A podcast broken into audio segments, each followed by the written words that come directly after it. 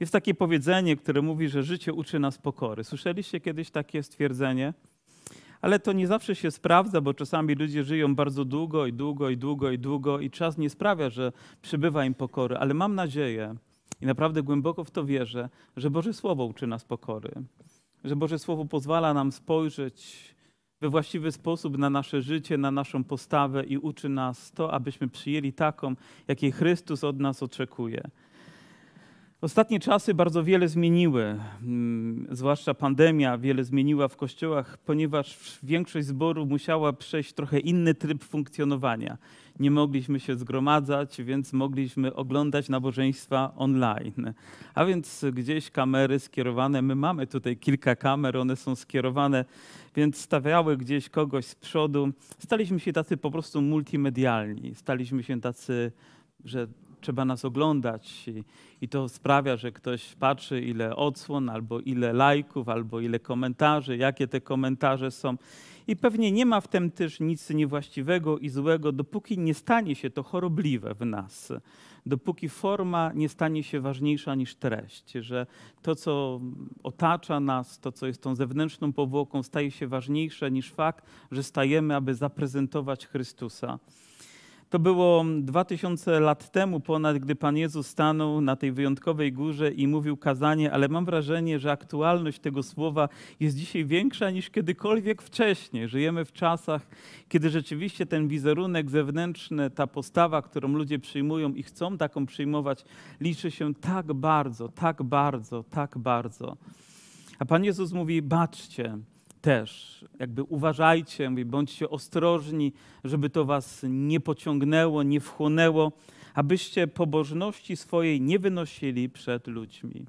A więc nie tylko ten świat jest zagrożony tym, że eksponuje ktoś swoją osobowość, tak aby być podziwianym przez innych, stać się być może jakimś bożyszczem dla ludzi, ale również to zagrożenie wygląda na to, dotyczy Kościoła, dotyczy nas, ludzi wierzących, że nawet pobożność można w niewłaściwy sposób próbować zaprezentować ludziom, albo ludzie świadomie nawet to robią. Mówi: uważajcie, aby, aby pobożność wasza nie wynosiła się przed ludźmi.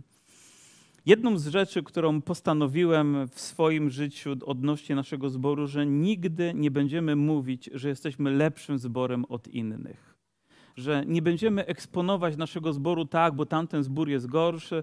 Nie, zbór to zbór, zbór to zbór pański i nie naszą rzeczą jest oceniać, chyba że głoszą jakąś rzecz niezgodną z Pismem Świętym, więc musimy się do niej odnieść ale wierzę, że wszędzie, gdzie Ewangelia jest zwiastowana, są ludzie nowonarodzeni, tam są moi bracia, tam są moje siostry, tam są osoby, które są mi bliskie. I myślę, że złą rzeczą jest to, kiedy wynosimy się jedni przed drugimi. Nawet kiedyś oglądałem taki film dotyczący przebudzenia w jakimś mieście gdzieś w Ameryce Południowej.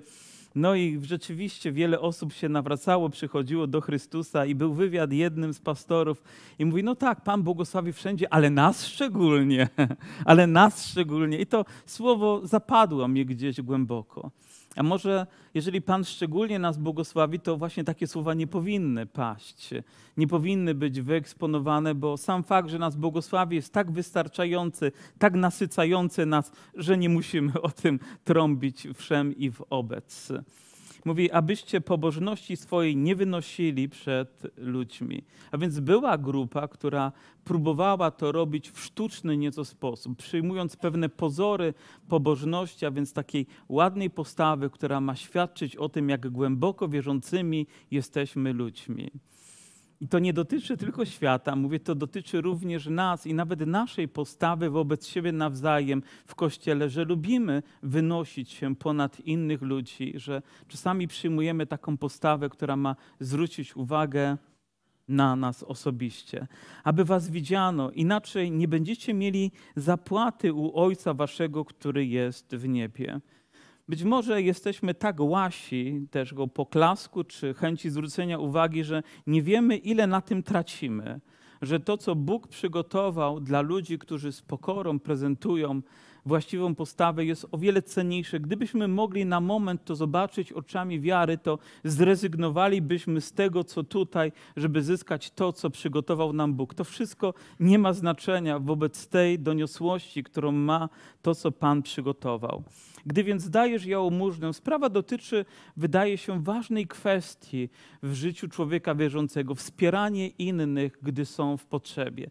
Tu nie ma mowy o dziesięcinach, to nie ma mowy o ofiarach, które powinny być składane w sposób regularny i wyznaczony zgodnie ze standardami wtedy Starego Testamentu i zakonu, ale po prostu, gdy dajesz coś, gdy widzisz człowieka w potrzebie to Biblia mówi, gdy dajesz jałmużnę i nawet zakłada tutaj Pan Jezus, że dajemy to. I ja zakładam, że my również powinniśmy to robić, że gdy widzimy kogoś w potrzebie, to nie odwracamy się, ale dajemy. Jednak Biblia e, wskazuje nam, w jaki sposób nie należy, albo też w jaki sposób należy to czynić. Mówi, nie trąb przed sobą, jak to czynią obłudnicy. I tu pada to straszne słowo, które powinno uwierać nas obłuda, a więc udawanie kogoś, kim nie jesteśmy. Jakaś sztuka aktorstwa, zakładanie maski duchowości, ale on to tylko pozory, a nie ma w tym żadnej głębi, nie ma żadnego potwierdzenia we wnętrzu człowieka. Jest to coś, co świat może zobaczyć, może, żeby nie zobaczyć biedy, która jest w nas. Mówi o budnicy w synagogach i na ulicach, aby ich ludzie chwalili. Zaprawdę powiadam wam, odbierają zapłatę swoją. Wiecie, że synagogi w tamtych czasach to były miejsca, gdzie ludzie zgromadzali się, żeby czytać Stary Testament, czytać Słowo Boże, tak byśmy to nazwali, modlili się, rozważali to Słowo. Innymi słowy, gdybyśmy opisali takimi normalnymi słowami, co się tam dzieje, to niektórzy by powiedzieli, to zbór. To miejsce, gdzie Pan ma być czczony, a oni zaczynają uprawiać tam sztukę duchowości, która ma wiele pozorów, ale nie ma autentyczności. I być może wielu z Was spotkało osoby, które gdzieś w swoim życiu eksponowali rzeczy na zewnątrz, ale spotkaliście później te same osoby w realnym życiu i byliście bardzo rozczarowani ich postawą, jaką przyjmowali, że gdzieś przed kamerami, przed ludźmi, oczywiście, aleluja, chwała Panu i wiele innych rzeczy, i być może nawet tutaj rzucili jakimiś kwotami pieniędzy, ale nie było potwierdzenia w ich życiu. Wiecie, pierwszą osobą, która odnosi się do tego w tak krytyczny sposób, jest sam Jezus, bo to, co on reprezentował, było najbardziej autentyczne i szczere, z czym my powinniśmy się utożsamiać nic, co byłoby tylko na chwilę jakimś błyskiem dla tego świata, ale autentycznością, którą on nosił w swoim życiu. A więc Biblia zakłada, że będziemy to robić, ale nie na pokaz, aby ludzie nas chwalili. Ale przyznać się musimy, że lubimy być chwaleni. No, nie ma takiej osoby, która nie lubiłaby być od czasu do czasu chociaż trochę pochwalona, że gdzieś coś dobrego jednak ta osoba zrobiła, bo potrzebujemy takiego paliwa. Ale wiecie, myślę, że jest jakaś granica, która sprawia, że staje się to chorobliwe.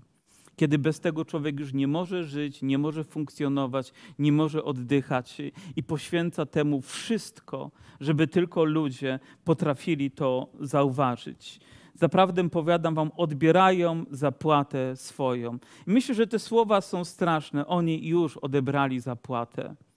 A więc co im pozostało? Nic. Kiedy przyjdzie prawdziwy czas wypłaty, to nie będzie nic. To tak jakbyście pracowali gdzieś i, pracujecie i bierzecie zaliczki, no bo potrzebujecie jedną zaliczkę, drugą zaliczkę. Mój tata pamiętam, jak pracował, to my żyliśmy też na zaliczkach, że przynosił, bo gdzieś zawsze brakowało, a kiedy przychodzi wypłata, to jej nie ma na przykład, bo wszystko zostało zabrane w zaliczkach. Nie? Ktoś z Was miał taki przypadek, a może trzeba byłoby jeszcze dopłacić. I ci ludzie będą bardzo rozczarowani tym, że oczekują zapłaty, a ona nie przychodzi, ponieważ już zabrali to. Gdy przyszedł czas, aby oddać chwałę Bogu, oni skupili uwagę na, na sobie. Ale ty, gdy dajesz, a więc Pan Jezus mówi tutaj o tej właściwej postawie, nie tej sztucznej, pozornej, tej na poklas ludziom, tej, gdzie tylko flesze są zwrócone w ich stronę, ale gdy ty dajesz. I mam nadzieję, że zwraca się tutaj do mnie i do ciebie, zwraca się do nas, ludzi wierzących. Gdy robicie to, a róbcie to, nie tylko to, co składacie w niedzielę do koszyka, ale gdy widzicie potrzebę gdzieś tam. I wiecie, to nie dotyczy tylko ludzi wierzących, choć od nich się to rozpoczyna, ale w ogóle, gdy widzimy i możemy coś zrobić, coś dobrego zrobić, to powinniśmy to robić po prostu. Ale gdy Ty to robisz, niech będzie w tym inny standard, standard Bożego Królestwa, standard nauki Bożej. Zrób to we właściwy sposób, a zobaczysz, że naprawdę nie będziesz pewnego dnia pozostawiony, bo zaliczki już wybrałeś bez wypłaty, że gdzieś odłoży się to w Twoim wnętrzu, a sam fakt, że to zrobisz, już zacznie się budować, bo robisz to we właściwy sposób. Ale gdy Ty dajesz jałmużnę, Niech nie wie lewica Twoja, co prawica Twoja robi. Czasami mamy problem, żeby lewicę z prawicą rozróżnić w ogóle, a co dopiero, żeby jedno zapomniało o drugim. To, co robi ta ręka, to druga nie musi wiedzieć. Wiecie, Pan Jezus mówi, że to powinno być ukryte. Że to powinno być nawet tak, że my sami nie będziemy jakoś szczególnie na to zwracać uwagę, tylko po prostu w takiej Bożej tajemnicy, aby Bóg poprzez to mógł być uwielbiony, że gdzieś komuś dajemy. Się pamiętam kiedyś jako młody pastor też, widzicie, to było dawno temu, jako młody pastor otrzymałem e, jakąś paczkę od kogoś. I już e, chyba było tam coś słodkiego, była jakaś e, bombonierka i myślę sobie, o fajnie, ktoś chce osłodzić mi życie. Otwieram tę bombonierkę, a tam była koperta, a w kopercie były, było trochę pieniędzy na życie. Wtedy bardzo tego potrzebowaliśmy, by przeżyć kolejny miesiąc, by zapłacić rachunek. No, no bardzo. I wiecie, nie było podpisu, nie było od kogo to jest, nie było trąbienia na ten temat, tylko nie wiem, ile razy otrzymałem inne formy wsparcia, ale te zapamiętałem ta utkwiła gdzieś w moim sercu, że ktoś zrobił to tak zwyczajnie, tak po prostu dlatego, że chciał coś wyjątkowego uczynić i pobłogosławić mnie i bardzo mnie pobłogosławił. Pamiętam, że czasami znajdowaliśmy w skrzynce nawet na listy, modlimy się, Boże, jak rachunek kolejny zapłacić. A zbór wtedy był bardzo niewielki, naprawdę no, nie mieliśmy nawet pieniędzy, żeby opłacić rachunki albo jakieś stare długi jeszcze pospłacać się za niezapłacony czynsz, a co dopiero jeszcze na moje utrzymanie, ale trzeba było pracować i służyć i nagle znajdujemy kopertę w skrzynce, która również pozwala nam. Wiecie, łzy same się pojawiały w oczach. Nie było podpisu, nie było żadnych fanfar przy tym, ale było poruszenie, było coś wyjątkowego. Chcesz sprawić komuś radość, to może tak to zrób. Może zrób to we właściwy sposób. Kiedy rozpoczęła się też pomoc, pomaganie uchodźcom, mam wrażenie, że cały świat zwracał też na to uwagę. Ludzie wszędzie robili sobie zdjęcia, ale dzisiaj ich nie ma, prawda? Dzisiaj już to nie jest tak popularne, dzisiaj to już nie jest tak być może nawet modne, żeby, żeby to właśnie robić. A myślicie, że potrzeby nie są tak samo duże? Może nawet większe dzisiaj są niż, niż wcześniej, ale już nie jest to tak, więc e, ludzie inaczej się zachowują. Może to nie jest idealny przykład, ale mam nadzieję, że chociaż odrobinę coś obrazuje. Ale gdy ty dajesz jałmużnę, niech nie wie lewica twoja, co czyni prawica. I to nie myślę, że musimy powiedzieć tak, że żona nie musi wiedzieć tego, co robi mąż. Ja staram się żonie mówić prawie wszystko. Dlatego, że zbyt ją kocham, żeby jej wszystko mówić pewne rzeczy po prostu nie mówię nie dlatego, że chcę kryć w tajemnicy, ale dlatego, że nie chcę, żeby ona przeżywała to samo tak ciężko jak ja.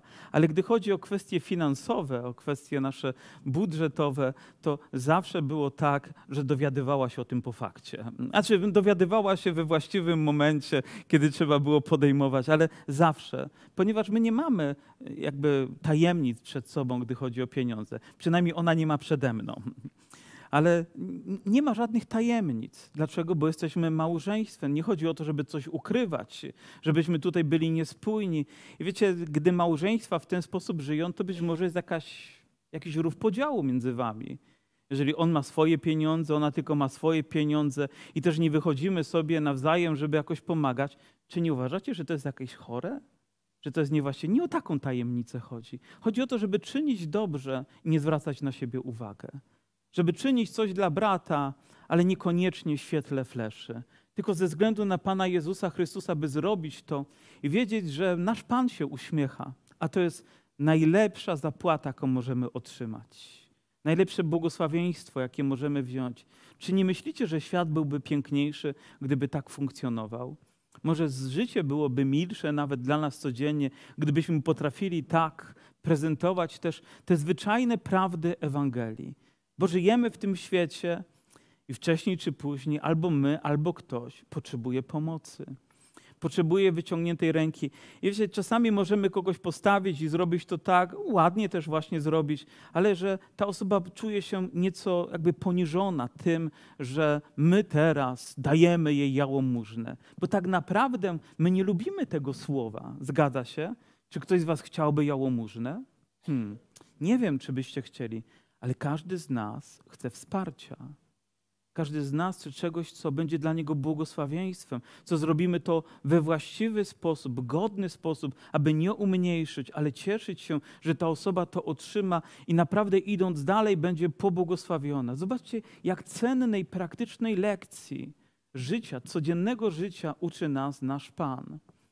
Jego słowo jest tak niezwykłe, że potrafi te rzeczy jakoś poukładać, aby Twoja jałmużna była ukryta, a Ojciec Twój, który widzi w ukryciu, odpłaci Tobie. Naprawdę Bóg będzie o tym pamiętał. I nie wiem, czy tylko w wieczności, ale myślę, że już tutaj, kiedy żyjemy, czyż Biblia nie uczy nas, że gdy siejemy obficie, to też obficie żniemy, a gdy siejemy skąpo, to to tak naprawdę spotkamy się z biedą. To pewnego dnia może się okazać, że nam zabraknie. Biblia mówi: dawaj, rozdawaj swój chleb w obfitości. Znajdziesz go po wielu dniach, znajdziesz go nawet więcej niż może dałeś, bo Bóg jest dobry, ale On też swoją dobroć chce po prostu wyrażać poprzez, poprzez nas. Ja Cieszę się, że wielu ludzi, chrześcijan gdzieś dawno temu zakładało organizacje chrześcijańskie, szpitale, aby wspierać ludzi w potrzeby, czy domy, gdzie wydawano żywność, aby wspierać i dzisiaj to robią. Ale są na przykład takie organizacje, które są religijne i nigdy tego nie robią. Nie wiem dlaczego. Dlaczego nie wspierają ludzi w potrzebach? Oczywiście swoich tak, ale gdy trzeba wyjść jakby poza pewien schemat, margines, to już absolutnie nie ma. Nie znaczy to, że zapomnimy mówimy o domownikach wiary, ale myślę, że nasza wiara powinna być o wiele większa i głębsza, żeby pomagać innym. Kiedyś David Paulson opowiadał o tym, jak Pan błogosławił im też w ich kościele, jak służby się rozwijały, przybywało też środków i Pan też dał im wyraźne słowo, że powinni założyć takie konto, na którą będą odkładać to, co mają więcej. Po prostu. I tam zaczęło się zbierać, zbierać, zbierać trochę pieniędzy. Kościół baptystyczny, taki, taki fundamentalnie baptystyczny kościół z dobrym nauczaniem. No i stało się pewnego dnia, że przyszła, przyszła wichura do tego miasta, jakiś huragan. Nikomu nic się nie stało, tylko jeden dach zniknął z kościoła katolickiego. Tylko jeden dach, akurat im. No ktoś by powiedział, Pan Bóg wie, co robi, prawda? No bo baptystycznym nie zginął, a tam tak. I wiecie, co Pan im powiedział? Żeby teraz szli i wybudowali im nowy dach, dali pieniądze na nowy dach. Myślę, że to było trudne zrobić tym ludziom, którzy myślą nieco inaczej, oczywiście znają prawdę, którą teraz mogą zaprezentować. Mówi, idźcie i zróbcie. I poszli i zrobili to. I ten człowiek, ten ksiądz, który otrzymywał te pieniądze, Mówi, to chyba pierwszy raz w historii tak się zdarzyło, żeby Kościół baptystyczny przyszedł, żeby odbudować dach Kościołowi katolickiemu. Ale to sprawiło, że otworzył się wraz z całym Kościołem na Ewangelię. I przychodzili tam bracia, aby zwiastować im też Boże Słowo. Zakładali różne grupy biblijne i ci ludzie mogli poznawać Jezusa Chrystusa w o wiele głębszy i piękniejszy sposób. Czy to nie jest cudowne? Kiedy potrafimy to robić i robimy to z zaangażowaniem, z właściwą postawą naszego serca. Daj, Panie Boże, żebyśmy również jako zbór mogli być tak otwarci, tak szczerzy, tak autentyczni. I każdy z nas osobiście by mógł to również robić. Myśl, myślę, że rzeczą trudną jest rozdawać pieniądze, ale kiedy to zaczniesz robić, otrzymasz szczęście, otrzymasz pokój, o to, że Bóg będzie się o ciebie troszczył, otrzymasz coś, czego nie dadzą ci te pieniądze, które będą w twojej kieszeni, ale zainwestowane w czyjeś życie przyniosą efekt, którego nigdy się nie spodziewałeś i staną się błogosławieństwem, bo Biblia uczy nas i Pan to powiedział, że bardziej błogosławioną rzeczą jest dawać we właściwy sposób, aniżeli brać. I później znowu kolejna rzecz dotyczy modlitwy. A gdy się modlicie, i znowu Biblia zakłada, że będziemy się modlić, że potrzebujemy modlitwy. Nie jeśli się modlicie, prawdopodobnie, ale mówi, gdy się modlicie. A więc oni modlili się, byli ludźmi religijnymi i wiedzieli też, jak to jest ważne, i my również wiemy, jak to jest ważne. Ale mówi, ale nie będziecie jak obłudnicy Czyli wygląda na to, że nawet ta bardzo duchowa, taka wręcz intymna sfera naszej relacji z Bogiem jest również zagrożona tą infekcją obłudy, która może się pojawić. Bo Bogu nie tylko chodzi o to, co robimy, ale też jak to robimy jaką postawę przyjmujemy, jak głęboko nasze serce jest otwarte. Mówi, nie będziecie jak obudnicy, gdyż oni lubią modlić się i to słowo lubić, modlić się pewnie nie byłoby złe, gdybyśmy na tym mogli poprzestać, stojąc w synagogach i na rogach ludzi, aby pokazać się ludziom, zaprawdę, powiadam wam, otrzymali zapłatę swoją. Znaczy, nie zostały nawet wysłuchane te modlitwy, ale zapłatę już otrzymali. Bo ktoś powiedział, ale oni się pięknie modlą naprawdę potrafią to robić. Ja Wam powiem, przez wiele lat mojego chrześcijańskiego życia ja nauczyłem się modlić. Bo na początku modlitwa była tak trudną sferą w moim życiu, bo byłem przygotowany na to, że każda moja modlitwa była jakby czymś, co ktoś kiedyś wymyślił, zapisał, później dał mnie, żebym ja się tego nauczył i mógł to powtarzać jedynie, ale nie było czymś, co wypływało z mojego serca i gdy próbowałem to robić, a modliłem się do kogoś, kogo nie widziałem, to miałem z tym problem. Ktoś z Was również? To były czasami dwa zdania, czasami trzy zdania. Później pojawiły się cztery zdania, a później dzieci mówią: Tato, mógłbyś się przy obiedzie modlić trochę krócej? Bo człowiek uczy się modlić. I czasami nawet lubimy modlić się, ale problem jest wtedy, kiedy zaczynamy poprzez to zwracać uwagę nie na Boga, a na, hmm, a na siebie że nasza modlitwa ma skupić uwagę na tym, jacy to my jesteśmy ultraduchowi, a więc znosimy ręce, one będą drżały, nasz głos również będzie drżał i wszechmogący Panie, Boże Święty, albo inne słowa. A nie można, jak, jak rozmawiacie z ojcem, albo rozmawialiście, gdy żył tutaj jeszcze, to nie wiem, czy tak przychodziliście jako dzieci. Raczej mówiliśmy tatusiu i tak naturalnie to jakoś wypływało, a w tym momencie staje się tak pompatyczne, tak nienaturalne, tak sztuczne, tak jakbyśmy stawali się innymi osobami. Normalnie rozmawiamy, ale w tym momencie nie jesteśmy normalni. Pamiętam, miałem kiedyś problem małżeński, ponieważ żona przyszła pewnego dnia po nabożeństwie do mnie i mówi, wiesz co, mówi, dobrze mówisz, tylko gdy mówisz, to za kazalnicą twój głos się zmienia. Ty nie jesteś taki. Ty mówisz tak, ale za kazalnicą stajesz się takim trochę pastorem księdzem, że ten głos musi oczywiście właściwie wybrzmieć. Ja czasami potrafię głośno mówić, przekonaliście się o tym, potrafię dobitnie mówić, ale mówię, Boże, chyba mam z tym problem. Chyba chcę być kimś, kim nie jestem. I chciałbym, żeby ludzie właśnie tak mnie postrzegali. Nie tylko wy macie ten problem. Ja też mam ten problem. A Pan Jezus mówi, żebyśmy nie wynosili naszej duchowości, żebyśmy nie próbowali, i młodzi ludzie mają takie słowo, szpanować tym, w jaki sposób. Wyobraźcie sobie, że w zgromadzeniu takim jak to mamy różnych ludzi. O, oczywiście ta modlitwa dotyczy indywidualnej, do tego dojdziemy, ale powiedzmy, że na chwilę przeniesiemy się do innego słowa, do modlitwy w zgromadzeniu. Jest jakiś brat, który ma ogromne doświadczenie w modlitwie, chodzi za Panem już 40, 50 może lat albo, albo 30 i nauczył się, naumiał się modlić i potrafi to zrobić. Ale jest też brat, który chciałby się pomodlić, ale on tak niecały rok chodzi za Panem i nie ma jeszcze takiego doświadczenia. I ten pierwszy brat się pomodli i gdy on usłyszy tę modlitwę, mówi, nawet nie startuje. Ponieważ tak trudno jest po kimś takim się pomodlić. Prawda, kochanie? Mówię to, ponieważ ona mówi, po tobie jest ciężko się pomodlić. Może to nie jest problem modlitwy, tylko mój. Po prostu mojej postawy, że tak trudno jest oderwać się od tego, żeby przyjmować pewną postawę, która ma zwrócić uwagę na mnie, a nie na Boga nie na Jezusa, nie na to, jakim On był. Ludzie przy Nim jakoś nie mieli problemu się otwierać i mówić do Niego w naturalny sposób, ale gdy się modlisz, nie bądź jak obudnicy, gdyż oni lubią modlić się stojąc w synagogach i na rogach ulic, aby pokazać się ludziom, aby pokazać się ludziom. Nie stawali tam dlatego, że chcieli podobać się Bogu, chcieli przynieść Mu chwałę, ale chcieli podobać się innym. A, gdy, a ty, gdy się modlisz, i znowu to zapewnienie, powinieneś się modlić, wejdź do komory swojej. To jest stare tłumaczenie. Słowo komora w tłumaczeniu na dzisiejsze słowa byłoby wejść do pokoju.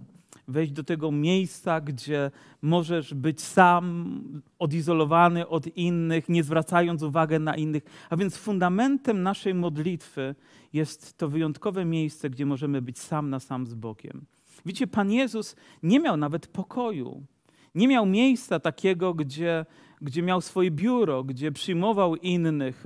W zasadzie jego, jego pokojem to były góry, na które chodził, żeby spędzić całą noc, aby się, aby się modlić. Ale chodzi o to, żeby znaleźć czas i znaleźć miejsce, gdzie możemy być sam na sam z Bogiem że to jest wyjątkowe miejsce i od niego rozpoczyna się, myślę też również cała nasza duchowość, całe nasze autentyczne duchowe życie.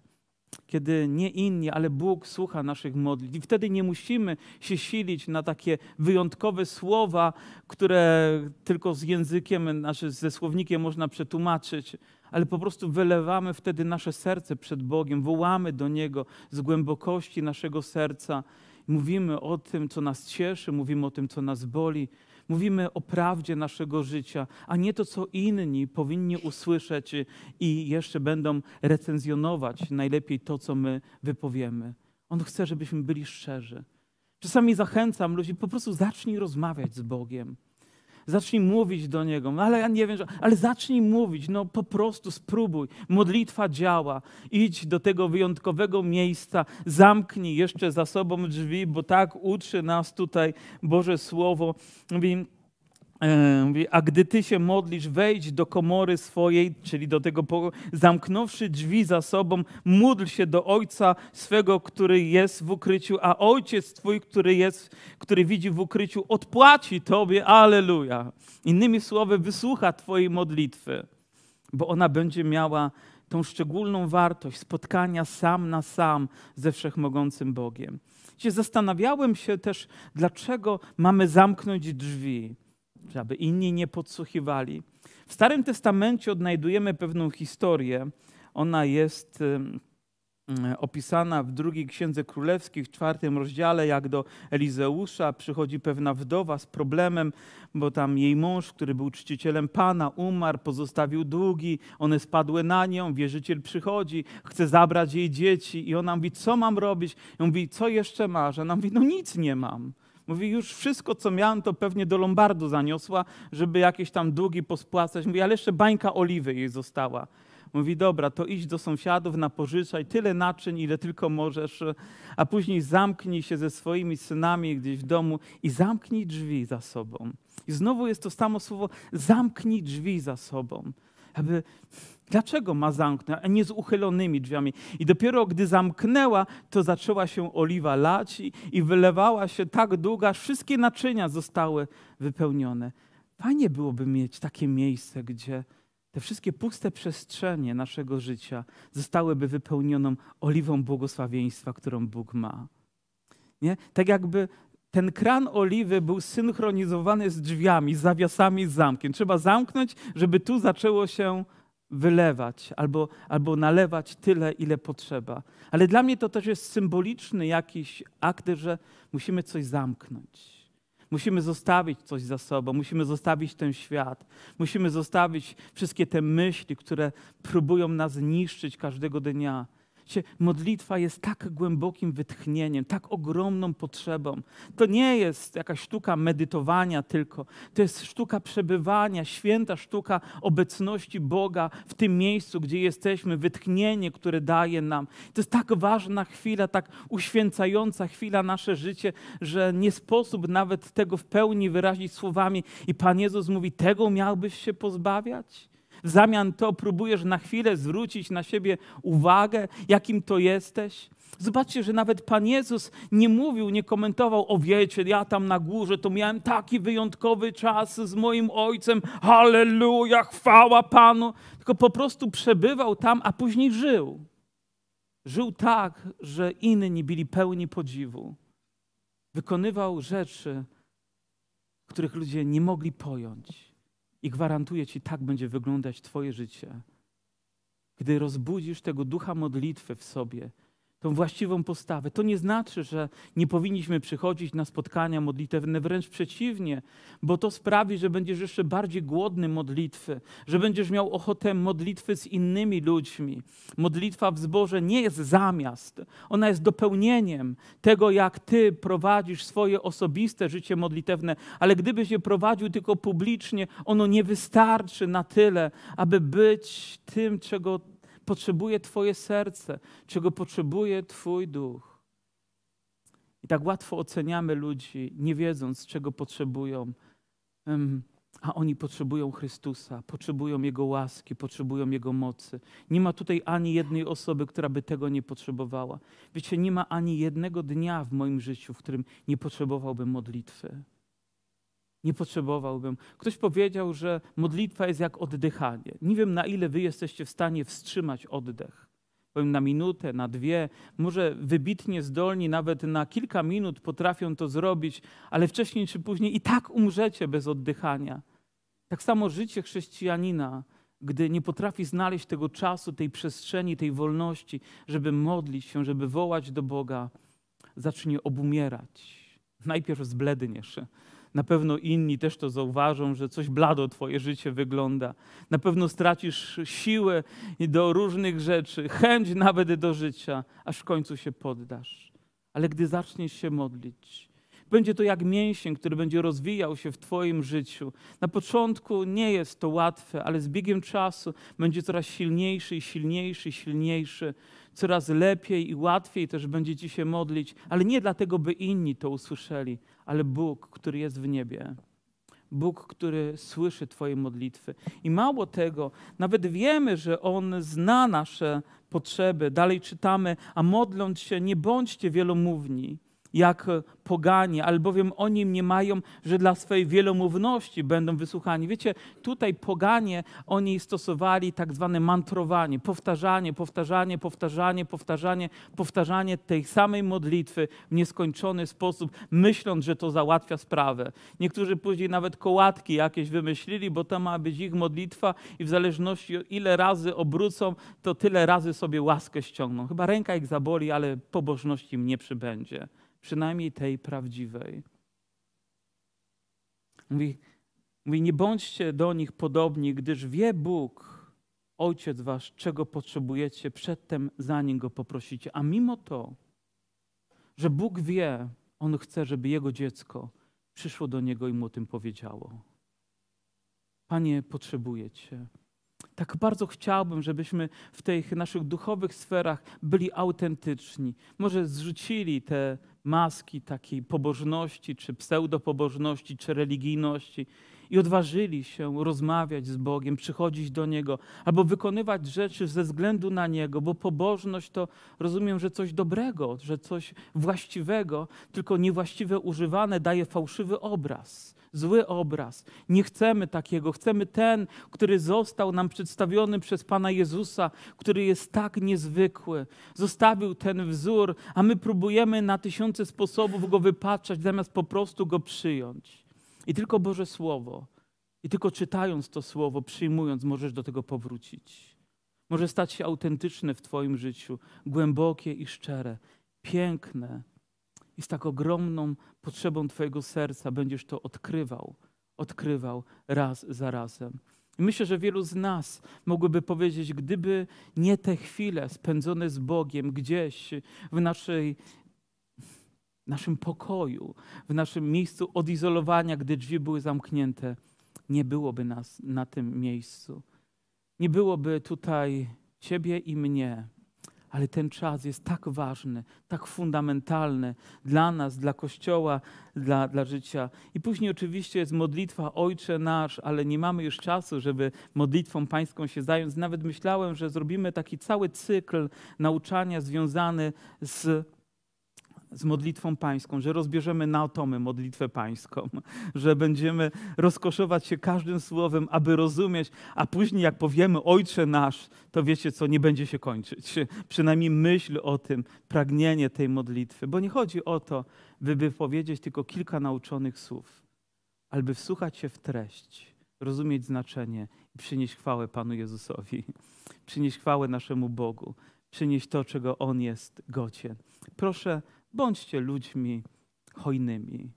Proszę, składajcie jałmużny, ale róbcie to tak, jak nauczył nas Pan Jezus. Proszę, módlcie się Nieustannie się módlcie. Módlcie się sami, módlcie się z innymi ludźmi, módlcie się w zborze, miejcie odwagę. Wiecie, jak trudno jest pomodlić się w zborze publicznie, powiedzieć jakieś nawet jedno zdanie. Nawet jeżeli człowiek jest elokwentny, wykształcony i mógł książkę napisać wcześniej, ale gdy ma powiedzieć jedno zdanie, nagle gdzieś wszystko grzęźnie w gardle, ponieważ w tej duchowej sferze tak trudno wyrazić chwałę dla Boga. To jest niezwykłe miejsce, ale nie jest to miejsce do tego, żeby imponować innym. Zaimponuj Bogu swoją postawą, zaimponuj Mu swoim sercem, zaimponuj Mu swoją skromnością, zaimponuj Mu swoją szczerością, a Bóg to doceni. Nie bierzcie zaliczek, dobrze? Poczekajcie na wypłatę, a gwarantuję Wam, ona przyjdzie. Bóg będzie uwielbiony, a my będziemy pobłogosławieni. Amen?